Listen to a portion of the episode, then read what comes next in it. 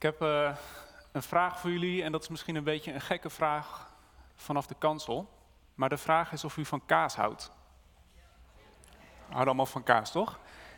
Ja, ja allemaal echte Nederlanders, toch? En uh, wat voor kaas is dan uh, uw favoriete kaas? Oude kaas, belegen?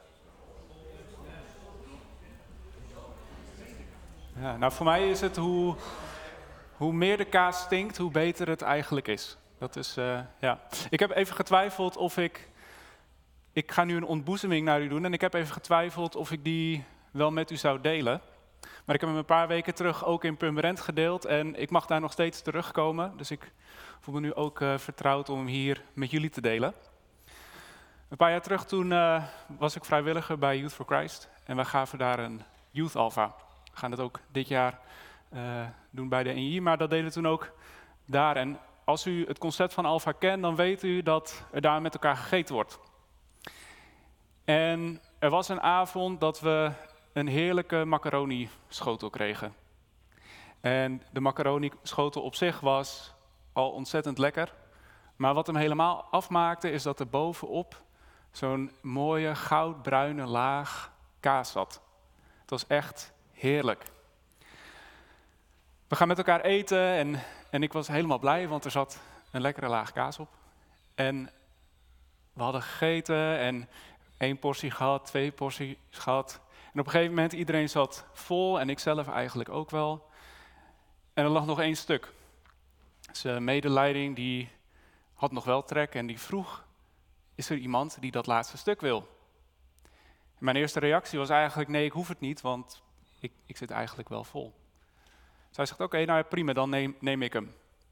En hij draait zich om en praat nog even met iemand voordat hij het stuk op wilde scheppen. En terwijl hij dat deed, kwam er een gedachte in mij op zonder dat ik het eigenlijk zelf door had, zonder dat ik mezelf er heel erg bewust van was.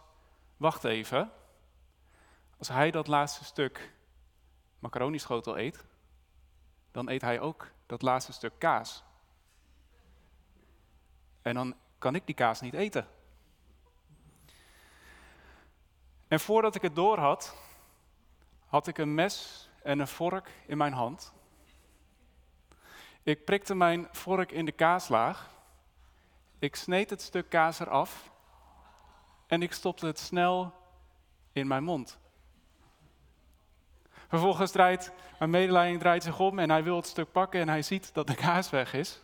En hij kijkt me aan en hij zegt, Bart, wat, wat is dit nou weer? En ik dacht bij mezelf, wat heb ik nou weer gedaan? Nou, straks meer over deze ontboezeming. Ik wil uh, met jullie lezen uit de brief van Paulus aan de Galaten, Galaten 5. En um, als jullie de context van de brief van de Galaten kennen, dan gaat het daar over een discussie die er daar in de gemeente was of niet-Joodse christenen of die zich moesten laten besnijden en of die zich aan de Joodse wetten moesten houden. En Paulus zegt nee, dat, dat is niet het geval. Maar, gaat Paulus in dit stuk uitleggen, dat betekent niet dat we zomaar alles kunnen doen. Dat we die vrijheid die we hebben gekregen, dat we die moeten misbruiken. En ik lees in Gelaten 5 vanaf vers 13. Broeders en zusters, u bent geroepen om vrij te zijn. Misbruik die vrijheid niet om uw aardse begeerten vrij spel te geven, maar dien elkaar in liefde. Want de hele wet is vervuld in één uitspraak. Heb uw naaste lief als uzelf. Maar wanneer u elkaar aanvliegt en verscheurt, pas dan maar op dat u niet door elkaar wordt verslonden. Ik zeg u dus, laat u leiden door de geest. Dan zult u niet toegeven aan aardse begeerten. De aardse begeerte gaat in tegen de geest. En wat de geest verlangt, gaat in tegen de aardse begeerte. Het een is in strijd met het ander. En u kunt dus niet zomaar doen wat u wilt. Maar wanneer u door de geest geleid wordt, bent u niet onderworpen aan de wet. De praktijken waartoe de aardse begeerte aanzet zijn bekend. Ontucht, zedeloosheid en losbandigheid. Afgoderij en toverij. Vijandschap, tweespalt, jaloezie en woede, gekonkel, geruzie en rivaliteit, afgunst, bras en slempartijen en nog meer van dat soort dingen. Ik herhaal de waarschuwing die ik u al eerder gaf. Wie zich aan deze dingen overgeven, zullen geen deel hebben aan het koninkrijk van God. Maar de vrucht van de geest is liefde, vreugde en vrede, geduld, vriendelijkheid en goedheid, geloof, zachtmoedigheid en zelfbeheersing. Er is geen wet die daar iets tegen heeft. Wie Christus Jezus toebehoort, heeft zijn aardse natuur met alle hartstocht en begeerte aan het kruis geslagen. Als we leven door de geest, laten we de geest dan ook volgen. Laten we elkaar niet uit eigen waan de voet dwars zetten of een kwaad hart toedragen. Tot dusver Paulus in Galaten. God danken voor het woord dat hij ons heeft gegeven en bidden dat we mogen verstaan wat hij deze morgen tot ons wil zeggen.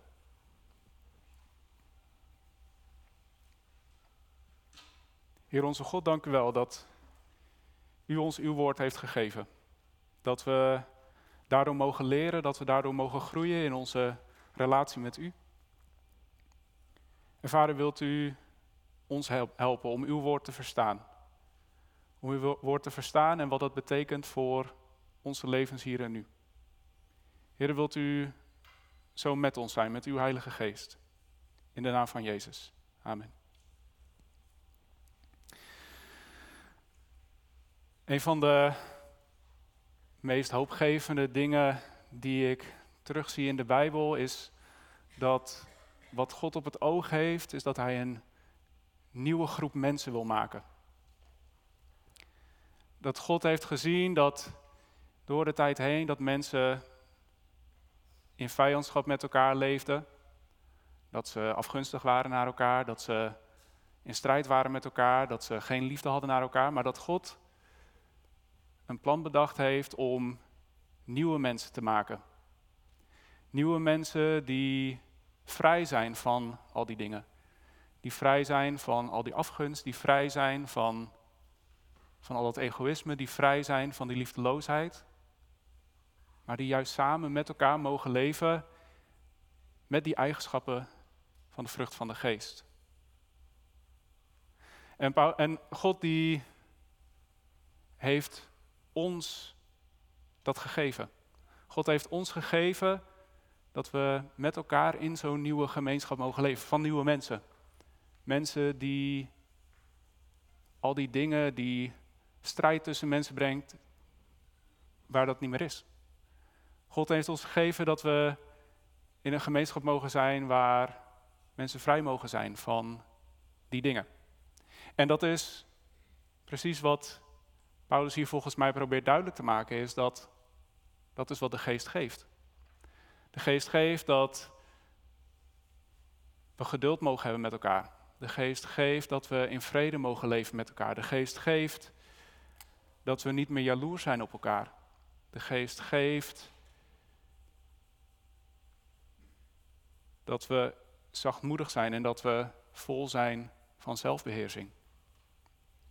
Nou zijn dat best uh, hoge standaarden. Ik ben er in ieder geval achter gekomen in het incident met de kaas, dat ik best nog wel een aantal van die dingen mis. Als ik zo even het rijtje doorga, dan miste ik in ieder geval zelfbeheersing. Ik had niet op dat moment in ieder geval de zelfbeheersing om niet die kaas van de ander af te pakken. Ik was ook jaloers. Ik was jaloers op die ander die wel de kaas zou eten. En dat was best een pijnlijke ontdekking. Zoals ik al zei, toen die ander mij daarmee confronteerde, toen schrok ik best wel even. Toen dacht ik best wel even van, oh, wat heb ik nou gedaan? Ik was me er op dat moment nogmaals niet ten volle van bewust dat ik dat aan het doen was. En ik heb daar best even over, over na zitten denken van oké, wat, wat zegt dit nu over mij? Wat zegt dit nu over mijn karakter? En helemaal als ik dan dat rijtje doorging in Galaten 5, dan dacht ik, oh jeetje. is wel een heel pijnlijke ontdekking over mezelf. Dat dat er blijkbaar nog ergens in verstopt zit. En bij mij kwam het naar voren met eten.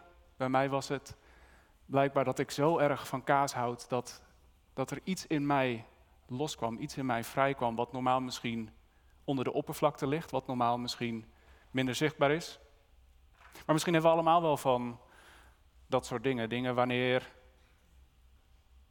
de druk te hoog wordt, wanneer we haast hebben, wanneer we met andere dingen bezig zijn, dat er misschien wel iets zichtbaar wordt van onszelf wat normaal verborgen blijft. Wat je misschien helemaal niet eens meer van jezelf bewust bent dat dat er nog zit, maar dan zit je in het verkeer en diegene achter je zit te bumperkleven en dan in één keer komt er een opwelling en dan denk je, ben ik dat? Zit dat nog in mij? Wat ik nu denk, of wat ik nu zeg, of wat ik nu doe? Ik schrok er heel erg van. En dat is, denk ik, een, een logische reactie. Zeker als je christen bent en je wilt juist proberen om te leven in navolging van Jezus. En als je wilt proberen om juist die eigenschappen van de, de vrucht van de geest in jezelf te koesteren. En als je het niet zo van jezelf weet, als zoiets in één keer naar voren komt, dan is dat best wel, nou ja, over, overweldigend voor mij was het eigenlijk. Ook al was het misschien nu iets heel stoms en iets heel simpels als kaas. Maar het liet wel iets zien over mezelf.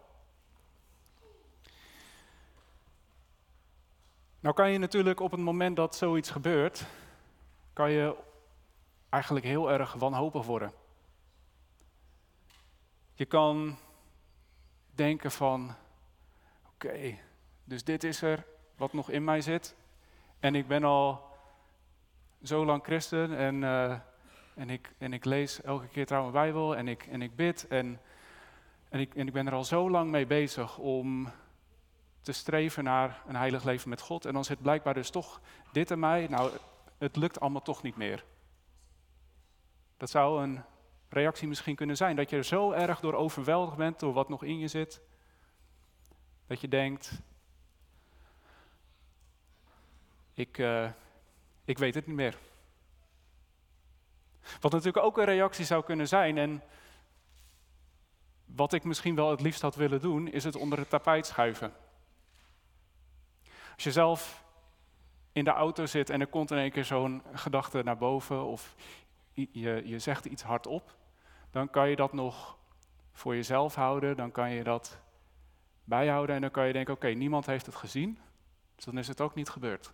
Zo werkt het natuurlijk niet, maar dat kan wel een gedachte zijn je hebt. Ik zelf kon die gedachte niet hebben, want ik deed het uh, in de volle aandacht van iedereen. Maar ik denk niet dat God een van die twee reacties van ons verlangt. Ik denk niet dat dat de bedoeling is van Gods geest.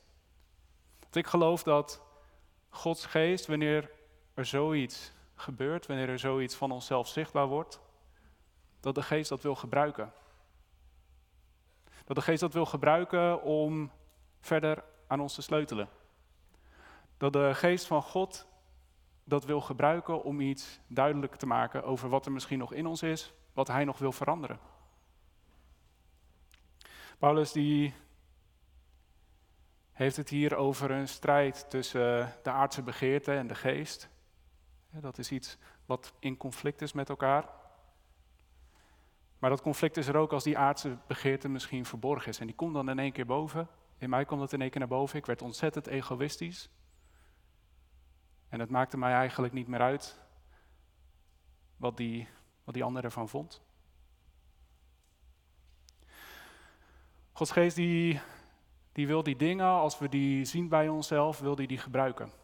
Gods geest wil niet dat we dan wanhopig worden en denken van oké, het is hopeloos.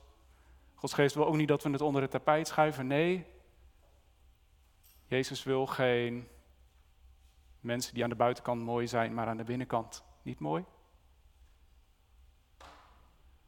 Gods geest die wil dan in ons werken. En dan is het de uitdaging voor ons om daar, denk ik, open voor te staan. Om open te staan voor wat de geest tot ons wil zeggen, wat de geest met ons wil doen. Gods geest die wil dat die vrucht van de geest in ons allemaal tot bloei komt. Dat is het verlangen dat hij heeft.